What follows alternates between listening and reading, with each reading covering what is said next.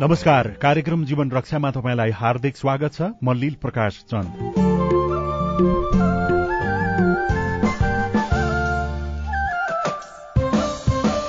सामाजिक शैक्षिक व्यावसायिक गतिविधि स्वास्थ्य सावधानी समसामयिक राजनैतिक परिवेशको बारेमा यो कार्यक्रममा मुख्य गरी छलफल गर्छौं।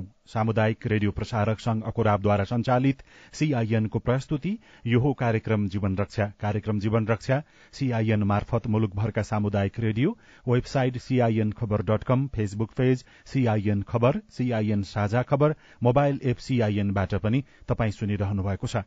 आजको कार्यक्रम जीवन रक्षामा हामी चिसो मौसममा स्वस्थ रहनका लागि के के कुरामा ध्यान दिने भन्ने बारेमा मुख्य छलफल गर्दैछौ। तपाईँको पनि कुनै विचार वा जिज्ञासा छ भने हामीलाई अहिले नै फोन गर्न सक्नुहुनेछ र स्वास्थ्य समस्याको बारेमा तपाईँको कुनै प्रश्न छ भने पनि तपाईँ राख्न सक्नुहुन्छ। हामीलाई शून्य एक बान्न साठी छ सय एकसठीमा अहिले नै फोन गर्नुभयो भने हामी तपाईँका प्रश्न सम्बोधनको प्रयास गर्नेछौ। कार्यक्रम जीवन रक्षा हाम्रो फेसबुक पेज सीआईएन खबरबाट तपाईँ सुन्दै हुनुहुन्छ भने त्यहाँ कमेन्ट गर्नुभयो भने पनि तपाईँको जिज्ञासा सम्बोधनको प्रयास गर्नेछौ। हामीसँग अहिले कुराकानीका लागि डाक्टर रोशन कुमार झा टेलिफोन सम्पर्कमा हुनुहुन्छ। खास गरी चिसो मौसममा के के समस्या देखिन सक्छन् र त्यो समस्याबाट कसरी जोगिन सकिन्छ त्यसबारेमा हामी कुराकानी गर्नेछौ। डाक्टर स्वागत छ कार्यक्रम जीवन रक्षामा यहाँलाई। साहब स्वागत छ यहाँलाई कार्यक्रम जीवन रक्षामा। कार्यक्रम जीवन रक्षा हो। कार्यक्रम जीवन रक्षाको आजको अङ्कमा चिसो मौसममा देखिन सकिने स्वास्थ्य समस्या र ती समस्या समाधानका लागि अप्नाउन सकिने सावधानीको बारेमा हामी कार्यक्रम जीवन रक्षामा छलफल गर्दैछौ। पछिल्लो समयमा मौसमी फ्लूका बिरामीहरू बढ़ेको स्वास्थ्य संस्थाहरूले बताइरहेका छन् र यो सबै परीक्षण नहुँदाखेरि कति प्रभावित भए भन्ने एकिन तथ्याङ्क नभएको पनि सरुवा रोग ट्रपिकल अस्पताल टेकुले जानकारी दिएको छ। विशेष गरी बालबालिका वृद्ध वृद्धा र दीर्घ रोगीहरूले चिसो मौसमको बेलामा धेरै ध्यान पुर्याउनु पर्ने चिकित्सकहरू बताउँछन्। सात सय त्रिपन्नवटै स्थानीय तहमा स्वास्थ्य संरचना छ तर अलि गम्भीर प्रकारको समस्या देखिएमा ठूलो अस्पतालमा पुग्नको लागि अझै पनि नागरिकलाई सजिलो छैन र त्यस कारणले गर्दा घरमै बसेर आफ्नो स्वास्थ्यको सावधानी आफ्नो स्वास्थ्यलाई कसरी सुरक्षित राख्न सकिन्छ कसरी स्वस्थ रहन सकिन्छ भन्ने बारेमा हामी कुराकानी गर्दैछौ। हामीसँग डाक्टर रोशन झा अहिले सम्पर्कमा हुनुहुन्छ। डाक्टर साहब स्वागत छ कार्यक्रम जीवन रक्षामा यहाँलाई धन्यवाद। हजुर। विशेष गरी अहिले अब चिसो मौसमको सुरुवात सँगसँगै के कस्ता समस्या लिएर बिरामीहरू आइराखेको देखिन्छ? यहाँले दैनिक रूपमै बिरामीसँगको भेटघाटलाई निरन्तरता दिइ नै रहनु भएको आधारमा के भन्न सकिन्छ डाक्टर? हजुर यो चिसो महिनामा अब भनौँ न विन्टर सिजन सुरु भयो। यसमा चाहिँ हाम्रो कस्तो हुन्छ भने कोल्डले गर्दाखेरि रुगा खोकी सबभन्दा बढी हामी कहाँ आइरहेछन् अहिले भन्ने र पहिलाको अब फोक्सो सम्बन्धी समस्या भएको दम रोगीहरू भनौँ जसमा आजमादेखि लिएर सिओपिडीका पेसेन्टहरू जुन अब पहिलादेखि फोक्सो संक्रमित भइराख्ने व्यक्तिहरू चाहिँ अहिले चाहिँ बढ्या छन्। श्वास प्रश्वाससँग सम्बन्धित बिरामीहरू। हजुर सबभन्दा बढी अहिले भनेकै श्वास प्रश्वाससँग सम्बन्धित चिसोले गर्दाखेरि बढेको हामीले पाएछौँ भने अनि रुगा खोकीका पेसेन्टहरू भाइरल डिजिजहरू जुन यो फ्लू भन्छ नि हामीले सिजनल फ्लू यो चाहिँ यो महिनामा चाहिँ सबभन्दा बढी देखिँदो रहेछ। यो भनेको अघिल्ला वर्ष र अहिलेको वर्षमा पनि चिसोको मौसममा देखिने समस्या उस्तै एकै प्रकारको हो कि अथवा अघिल्ला वर्षको तुलनामा यस वर्ष केही फरक छ? स्वास्थ्य समस्या लिएर आउने बिरामीहरूको त्यो लक्षण हेर्दाखेरि। हजुर यो अब चिसो सुरु हुँदाखेरि यो वर्ष कस्तो भयो भने हामीलाई फ्लू सँगसँगै डेङ्गुको पनि एउटा महामारी थियो। डेङ्गुको महामारीमै फ्लू लाइक सिम्टम्स भनेको मिक्स भएर आयो। त्यही भएर सुरुवातीको दिनमा हामीलाई चाहिँ जति पनि रुगाको कि ज्वरो आयो सबैमा डेङ्गु पनि हो कि भन्ने शङ्का लाग्थ्यो। तर अहिले अब डेङ्गुको प्रकोप घट्दै गएको देखिएछ र साधारण यो सिजनल फ्लूहरू पहिलाको जस्तै नै छ। अहिले चाहिँ त्यो पहिलाको भन्दा कम या बढी भन्नु चाहिँ उचित लागेन मलाई। पहिला पनि यस्तै बिरामी आउँथ्यो रुगा खोकी चिलाउने रोगहरू।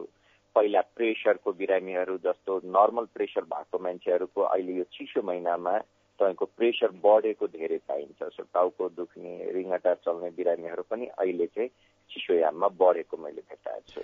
अब यो मौसमी फ्लूको कुरा गर्दाखेरि अब हामीले सबै व्यक्तिको स्वास्थ्य संस्थामा समयमा पुग्ने अथवा रुगाखोकीलाई त गाउँघरमा अझ यो दुई चार दिन चार पाँच दिनपछि त जाने त हो भन्ने ढङ्गबाट पनि कतिपय नागरिकले त्यसरी त्यसलाई लिने गरेको पाइन्छ। कसरी थाहा पाउने यो मौसमी फ्लू हो कि अथवा अरू कुनै समस्या हो कि भनेर त्यो यसको पहिचान गर्नको लागि विशेषताहरू के हुन सक्छन् डाक्टर हजुर यो एकदमै राम्रो क्वेसन गर्नुभयो। यसमा कस्तो छ भने जुन यो सिजनल फ्लू भन्छौँ हामी भाइरल फिभर त्यो चाहिँ कस्तो हुन्छ भने एकैचोटि हानहानी ज्वरो आउने या ज्वरो नआएर नाकबाट पानी जस्तो बग्ने हाछ्यौँ हाछ्यौँ बढी हुने जिउ दुख्ने त्यो चाहिँ तिनदेखि पाँच दिनसम्म हुन्छ।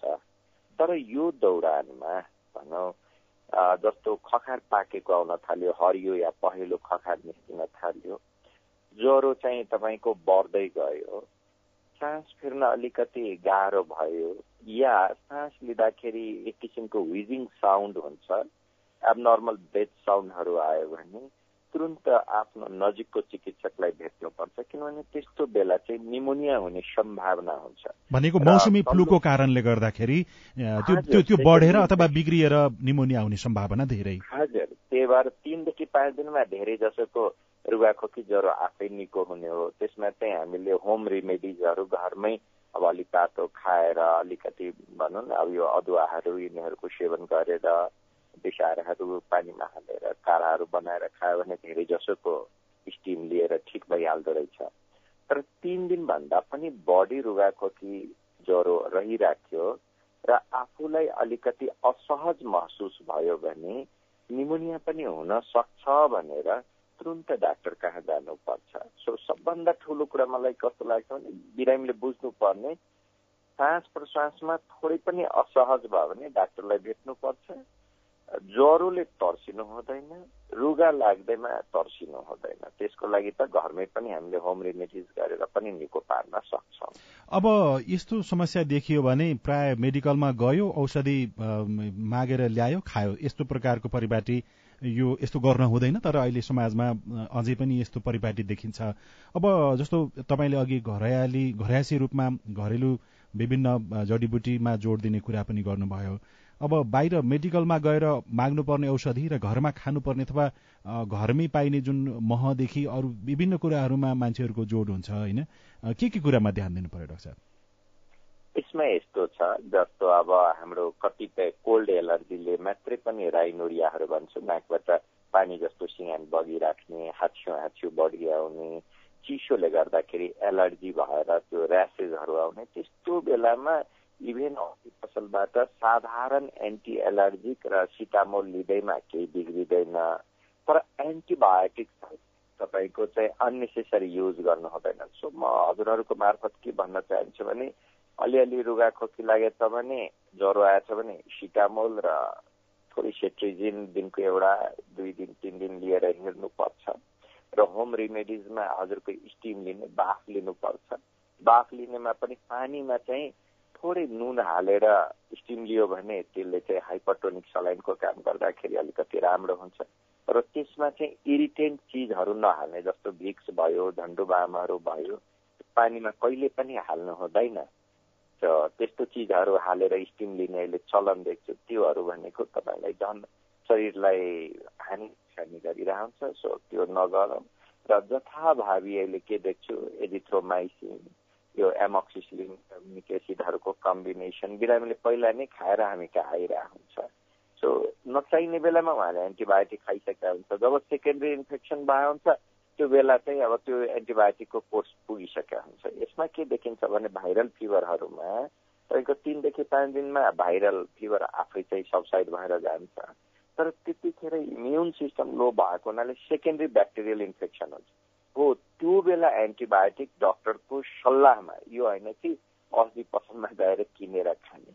सल्लाहमा चाहिँ कुन चाहिँ एन्टिबायोटिक कुन चाहिँ व्यक्तिको लागि राम्रो हुन्छ उहाँहरूले हेरेर दिनुहुन्छ। डाक्टर साहब जस्तो यहाँ यहाँनिर यहाँले अघि झुन्डु बाम लगायतको विभिन्न घरेलु अथवा औषधिलाई पानीमा मिसाएर बाफ लिने गरेको कुरा गर्नुभयो। कतिपयले त यो सन्चो लगायतका केही औषधिहरू ल्याएर त्यो पानीमा राखेर त्यो पिइदिने पनि अनि त्यो पानीमा तातो पानीमा राखेर बाफ लियो भने चाँडो निको हुन्छु भनेर पनि गरेको त्यो अभ्यास गरिराखेको देखिन्छ। यो गलत छ त्यसो भए? एकदम एकदमै गलत छ हजुर। यो सन्चो या भेक्स या झन्डुबाम यस्ता कुराहरू हामीले पानीमा राखेर स्टिम लियो भने तिनीहरू भनेको इरिटेन्ट हो। बाहिरी रूपमा लाउन मिल्ने चिज हो तर भित्र गयो भने हाम्रो सेलहरूलाई जुन लाइनिङ इपिथेलियम छ तिनीहरूलाई ट्रिगर गर्छ भित्री परतलाई। र पछि गएर त्यसले चाहिँ नराम्रो असर गर्छ क्यान्सर समेत गराउन सक्ने सम्भावना हुन्छ। त्यही भएर यस्ता स्टुमुलेन्टहरू जसले चाहिँ हाम्रो भित्री परतलाई असर गरोस् त्यस्ता चिजहरू पानीमा हालेर लिनु हुँदैन।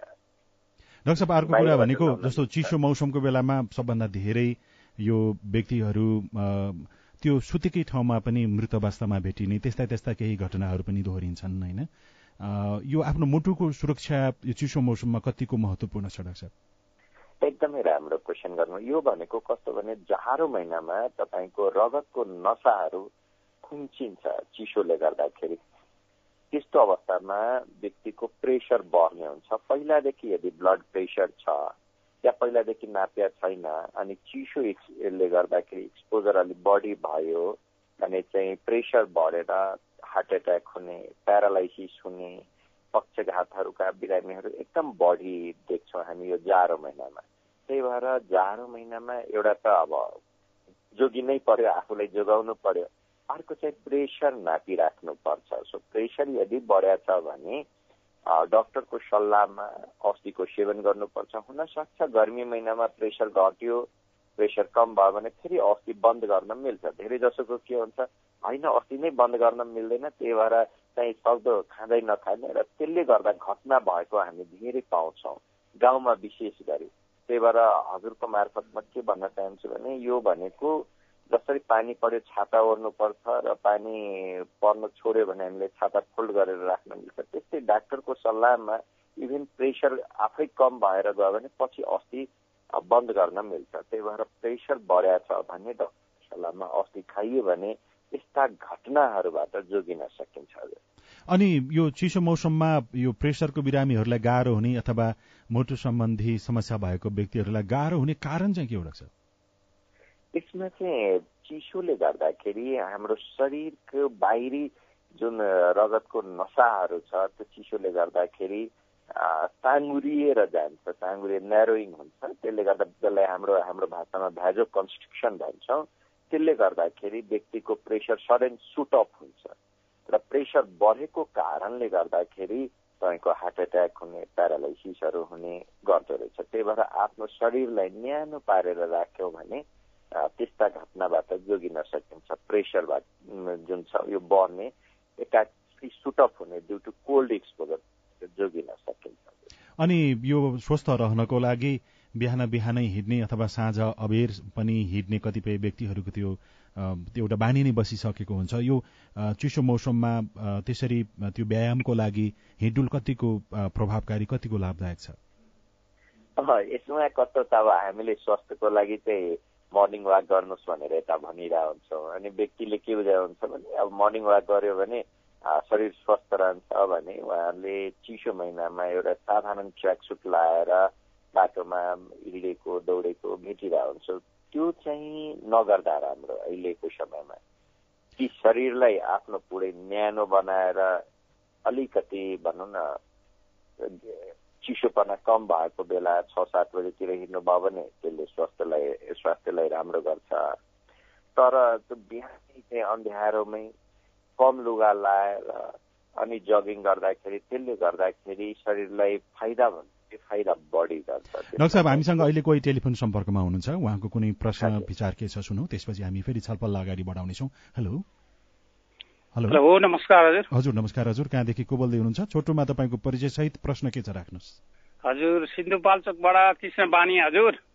के छ तपाईँको प्रश्न? प्रश्न म डाक्टर साहबलाई छ। हजुर। विशेष गरेर यो उपचारको सम्बन्धमा डाक्टर साहबहरूले यो जाडो मौसममा भनिरहँदा त्यो कुरा चाहिँ अब हामीले लिनुपर्छ। र डाक्टर साहबलाई एउटा क्वेसन के भने मेरो पहिलो पहिलो क्वेसन मेरो बुढीलाई चाहिँ नि घोगैचौरमा सुत्केरी गराएँ। डेलिभरी गराइसकेपछि हालसम्म दुई महिना भयो। अब डाक्टर साहबलाई क्वेसन के भने रगत बग्ने जिउ दुख्ने प्रेसरको पनि छ। अनि अब त्यहाँ चाहिँ केही अपुगहरू काम भयो कि घोगेचौर अस्पतालमा अब रगत आइरहन्छ भन्ने कुरो एउटा प्रश्न भयो। अनि अर्को जाडो महिनामा अब यो डाक्टर साहबको जिज्ञासा लिनु जनताले राम्रो कुरा हो। अर्को कुरो राज्यले तपाईँको न्यानो कपडाहरू वितरण गर्नु चाहिँ राम्रो हो कि होइन? गर्नुपर्छ कि पर्दैन होला? डाक्टर साहबलाई यो पनि क्वेसन गरे हस् धेरै धन्यवाद छ हामीलाई सुन्दै गर्नु होला डाक्टर साहब उहाँको दुईटा तिनवटा उहाँ अलिकति चासो थियो। अघिल्लो उहाँले जुन आफ्नो श्रीमतीलाई त्यो सुत्केरी गराइसकेपछिको त्यसमा अलिक बढी हामी सायद छलफल र उहाँको त्यसमा के छ भन्नुपर्ने कुरा?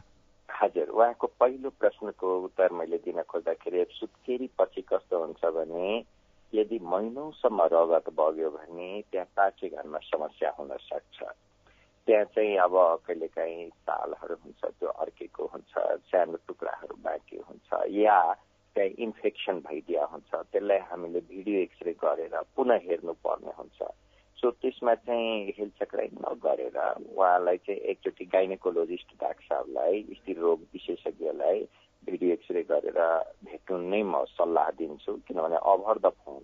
हामीले फोनको मार्फतबाट यस्तो कुरामा भिडियो एक्सरे नगरिकन भित्र पाठेघरको अवस्था के छ भन्नु चाहिँ उचित नहोला। कहिलेकाहीँ बच्चा निस्किँदाखेरि च्यात्या हुन्छ।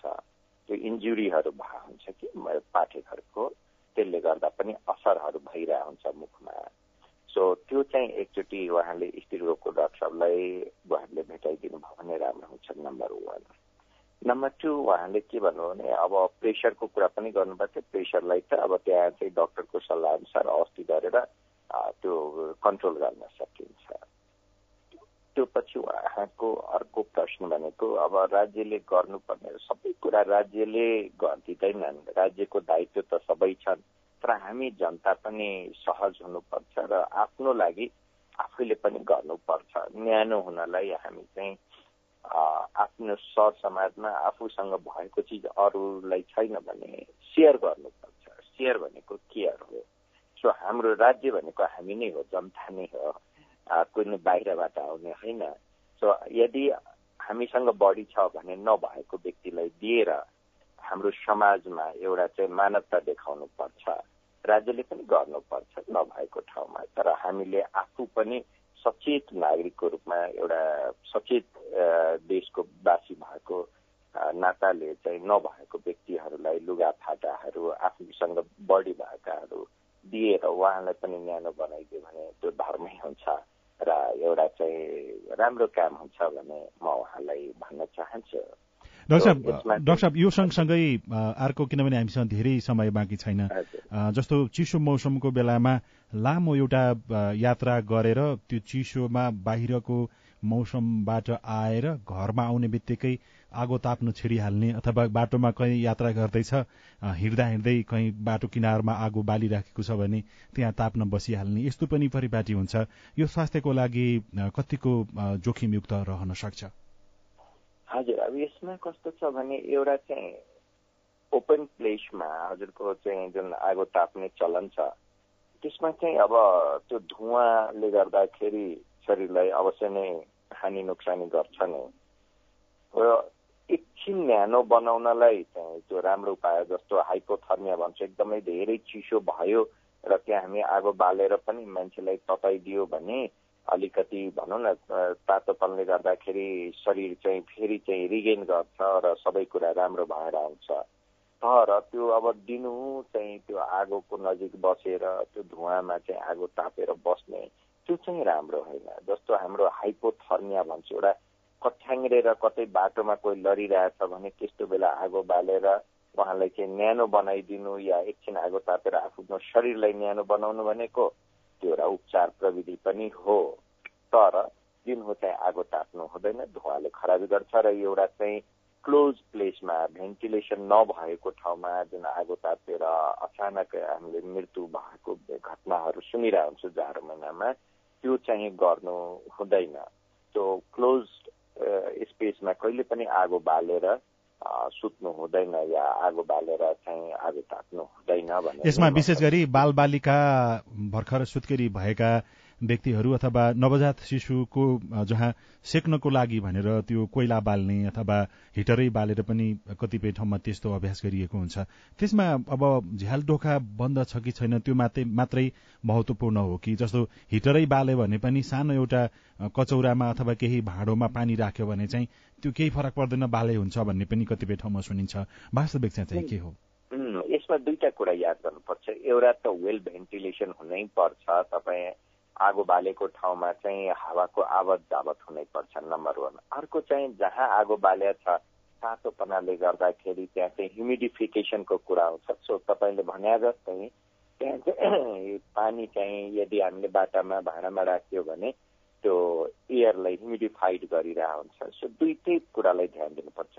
एउटा चाहिँ ह्युमिडिफिकेसन अर्को चाहिँ भेन्टिलेसन यो दुइटैलाई चाहिँ हामीले चाहिँ ध्यान दिएर अनि मात्रै आगो भा यदि त्यो पर्याप्त भएन भने त्यसले स्वास्थ्यमा हाम्रो हानि नै गर्छ।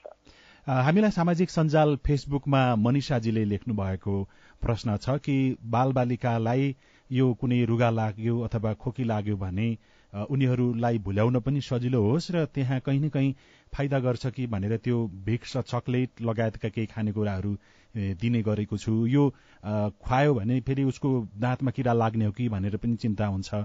यो ठिक छ कि बेठिक छ डाक्टर साहब भनेर सोध्नु भएको छ। यस्तो छ अब घाँटी खसखस भयो अलिकति नेजल ब्लक भयो भने नाकहरू थुन्यो भने त्यस्तो बेलामा त्यस्तो किसिमको चक्लेटहरू सेवन गर्दाखेरि हामीलाई रिलिफ चाहिँ हुन्छ बच्चादेखि हामीले पनि गरिरहेको हुन्छौँ। तर त्यो चाहिँ दिनहु रूपमा गर्नु हुँदैन। र चक्लेट खाएर दाँत बिग्रिँदैन कि त्यसलाई चाहिँ ओरल हाइजिन मेन्टेन गर्यो भने ठिकै हुन्छ। अब त्यसैको लागि चक्लेट भनेको ट्रिटमेन्ट पक्कै पनि होइन उपचार प्रक्रिया होइन। त्यो किन भयो भनेर ध्यान दिनुपर्छ।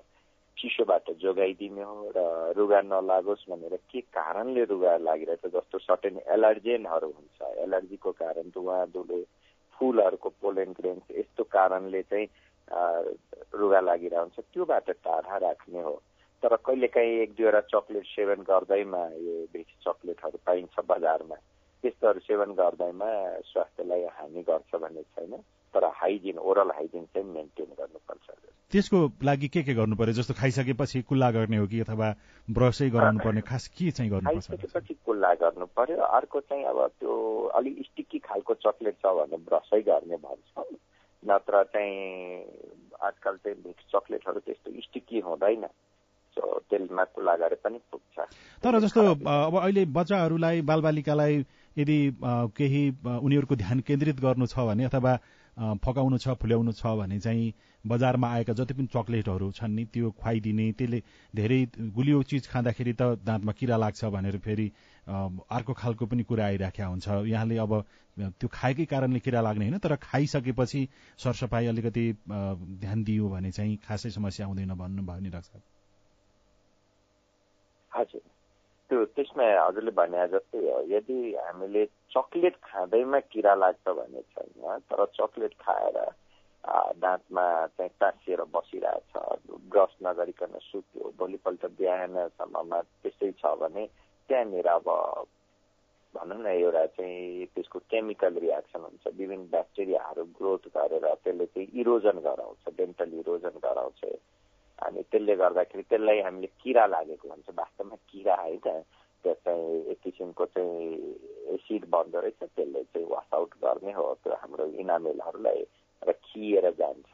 डाक्टर साहब यो यो सँगसँगै अर्को कुरा भनेको अब चिसोको कारणले रुगाको कारणले बच्चाहरूको नाक बन्द हुने र बजारबाट अथवा मेडिकलबाट औषधि लिएर त्यो थोपा राखिराख्ने र त्यहाँ पनि यो मेडिकलको जुन औषधिको थोपा भन्दा घरमै पनि यदि पानीमा नुन मिसाएर अलिकति राखिदियो भने खुल्छ भन्ने कुरा पनि छ। यसको मात्रा चाहिँ कसरी मिलाउने हो? घरयासी रूपमा पानीमा नुन राखेर यदि बच्चाको नाकमा राखेर त्यो बन्द भएको पुवाल चाहिँ खुलाउनु पर्ने स्थिति आयो भने? यसमा यस्तो छ। अब हाम्रो बुझाइ के हुनुपर्छ भने नुन पानीले तपाईँको त्यो भित्रको सेक्रिसनहरू छ त्यसलाई तान्दो रहेछ। सो नुन पानी अब एकैचोटि धेरै नै नुन हालिदियो भने त्यसले खराबी गर्दो रहेछ। सो मात्रा कसरी मिलाउने भने तपाईँको थोरै पानी लिने थोरै पानी लिनेको एउटा चिया ग्लासमा चाहिँ भनौँ न आधीको आधी लियो भने त्यसमा चाहिँ हामीले चाहिँ आधी जुन जति चिया ग्लासमा एक चिम्टी नुन राखेर अनि घोलेर सफा पानी त्यो पनि पानी सफा हुनु पर्यो त्यसमा चाहिँ रुवा या कटन भिजाएर त्यसलाई चाहिँ राम्ररी बनाएर ताकि नाकमा चाहिँ त्यो छिरेपछि चाहिँ बाहिर निकाल्न सजिलो होस् त्यसले चाहिँ रुवाहरू भित्रै हर्क्यो भने त्यसले फेरि अर्को समस्या ल्याउँछ जो चाहिँ कटन कपडाहरूले त्यसमा चोबाएर भित्रसम्म नाक सफा गरिदियो भने त्यसले चाहिँ फाइदा गर्दो रहेछ यसमा चाहिँ अब बजारमा पाउने नेजिभियन नेजल ड्रप जुन भन्छ तिनीहरू पनि भनेको नुन पानी सर नै हो त्यो नुन पानी मिसाउँदाखेरि हामीले धेरै नुन पनि हाल्नु हुँदैन ठिक्कको मात्रामा हाल्ने जसरी हामीले खानेकुराहरूमा हाल्छौँ त्योभन्दा अलिकति मात्रै बढी नुन हाल्ने हो त्यो नुनले के गर्छ भने हाइपरटोनिक सलाइनको काम गर्छ र त्यसले चाहिँ भित्री सेक्रिसनहरूलाई सबै निकाल्छ निकालिसकेपछि बच्चालाई चाहिँ राहत महसुस हुन्छ डाक्टर साहब समय दिनुभयो कुराकानीको लागि यहाँलाई धेरै धेरै धन्यवाद छ।